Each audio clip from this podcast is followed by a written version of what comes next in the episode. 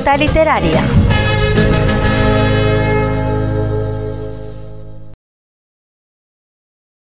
Los fantasmas del cuartel. Hacía dos minutos que la lámpara de araña había empezado a moverse. Su balanceo era tan extraño como hipnótico, pero del mismo modo que había iniciado su movimiento se detuvo en seco. Fue entonces cuando el timbre del teléfono rompió el silencio. ¿Diga? Ángel, ¿cómo te encuentras? preguntó una voz tenue.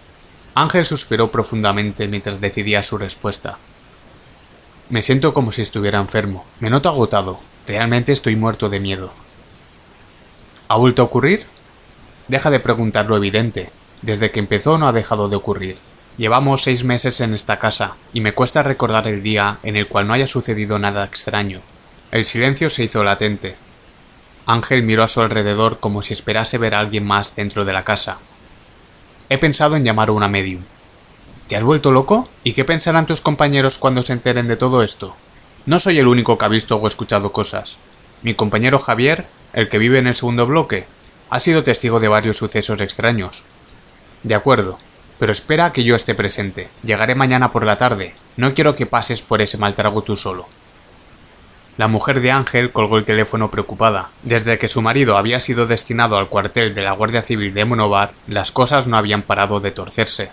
La salud de Ángel empezó a verse deteriorada por un extraño constipado que nunca se curaba. Siempre se sentía cansado, y en ocasiones parecía ido. Ella también había sido testigo de cosas extrañas dentro del domicilio, pero siempre intentaba achacarlas a ruidos ocasionados por el viento, al ceder de las maderas viejas, o a golpes producidos por los vecinos, aunque en el fondo era consciente de que realmente algo extraño estaba sucediendo allí dentro. Pero lo que más le preocupaba era la salud de su marido, en muchas ocasiones se levantaba sobresaltado en mitad de la noche, creyendo que alguien le susurraba al oído. Cuando ella más sufría era cuando tenía que estar entre semana fuera de casa a causa de su trabajo. Ángel lo pasaba realmente mal al quedarse solo en casa, pero no tenía más remedio. Aquella misma tarde, Ángel cogió el periódico y buscó en el apartado de anuncios. Pronto encontró entre las hojas un recuadro que decía Se ofrece medium para trabajos de limpieza sensorial, 100% efectivo, Cobro la voluntad. Ángel se lanzó al teléfono y llamó sin dudarlo. Finalmente concretaron la cita a mitad de la tarde. Era el único hueco del que disponía la mujer, muy a su pesar de la advertencia de su esposa. El timbre sonó y para Ángel fue el sonido de su salvación. La medium se presentó y entró sin vacilación.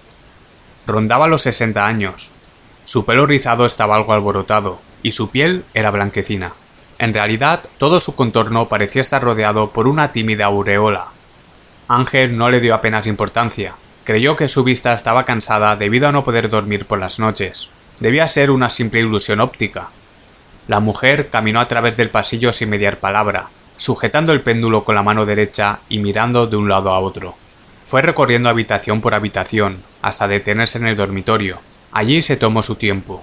Miraba extrañada los cuadros de la pared, las fotografías de Ángel con su esposa, los diplomas del cuerpo militar, cuando observó todo con detenimiento, dijo en voz alta Esta casa está llena de presencias.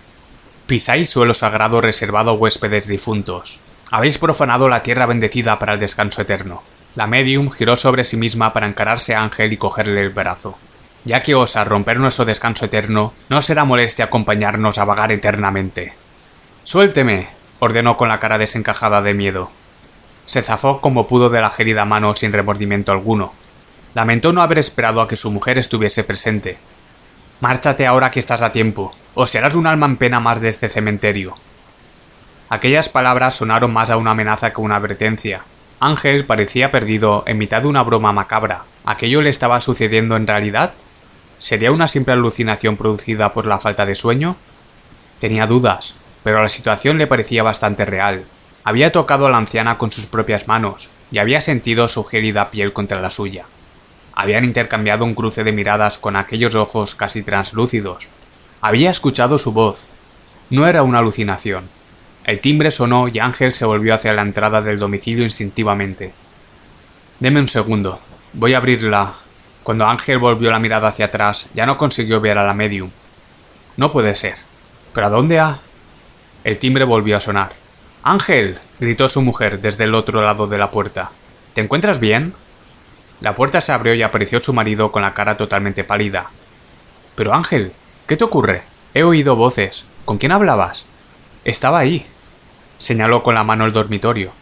Caminó rápidamente hacia él. Aquí mismo, dijo señalando esta vez una loseta del suelo. ¿Pero quién? La medium. Tú misma reconoces haber escuchado su voz desde la puerta. No, cariño, tan solo escuché tu voz. Has debido tener una alucinación por el cansancio. Ángel parecía abatido, como debatiéndose entre la frontera de la cordura y la paranoia. Venga, túmbate y descansa. Necesitas dormir un poco. Ahora poder estar tranquilo. He llegado para cuidarte. La mujer de Ángel se quedó sentada a su lado hasta comprobar que se había quedado dormido. Para no despertarlo, se levantó para irse a dormir al sofá. Fue en ese preciso momento cuando se fijó en una extraña marca en el antebrazo de su marido, muy parecida a la presión de unos dedos. Ella no le dio importancia y salió de la habitación. Unos tenues rayos de sol la despertaron de un sueño reconfortante. Había dormido toda la noche de tirón y en aquel sofá. Miró a su alrededor y no vio a Ángel. Inmediatamente fue hasta el dormitorio donde aún descansaba. Intentó despertarlo con un beso suave en la mejilla, pero no obtuvo respuesta. Tampoco al leve zarandeo de sus manos. Preocupada, le buscó el pulso, pero Ángel ya no disponía de él. Muchos son los agentes de la Benemérita que afirman haber sido testigos de sucesos paranormales en los terrenos del cuartel. Incluso se atreven a decir que una de las sombras que ven es la de su ex compañero Ángel. O por lo menos se le parece.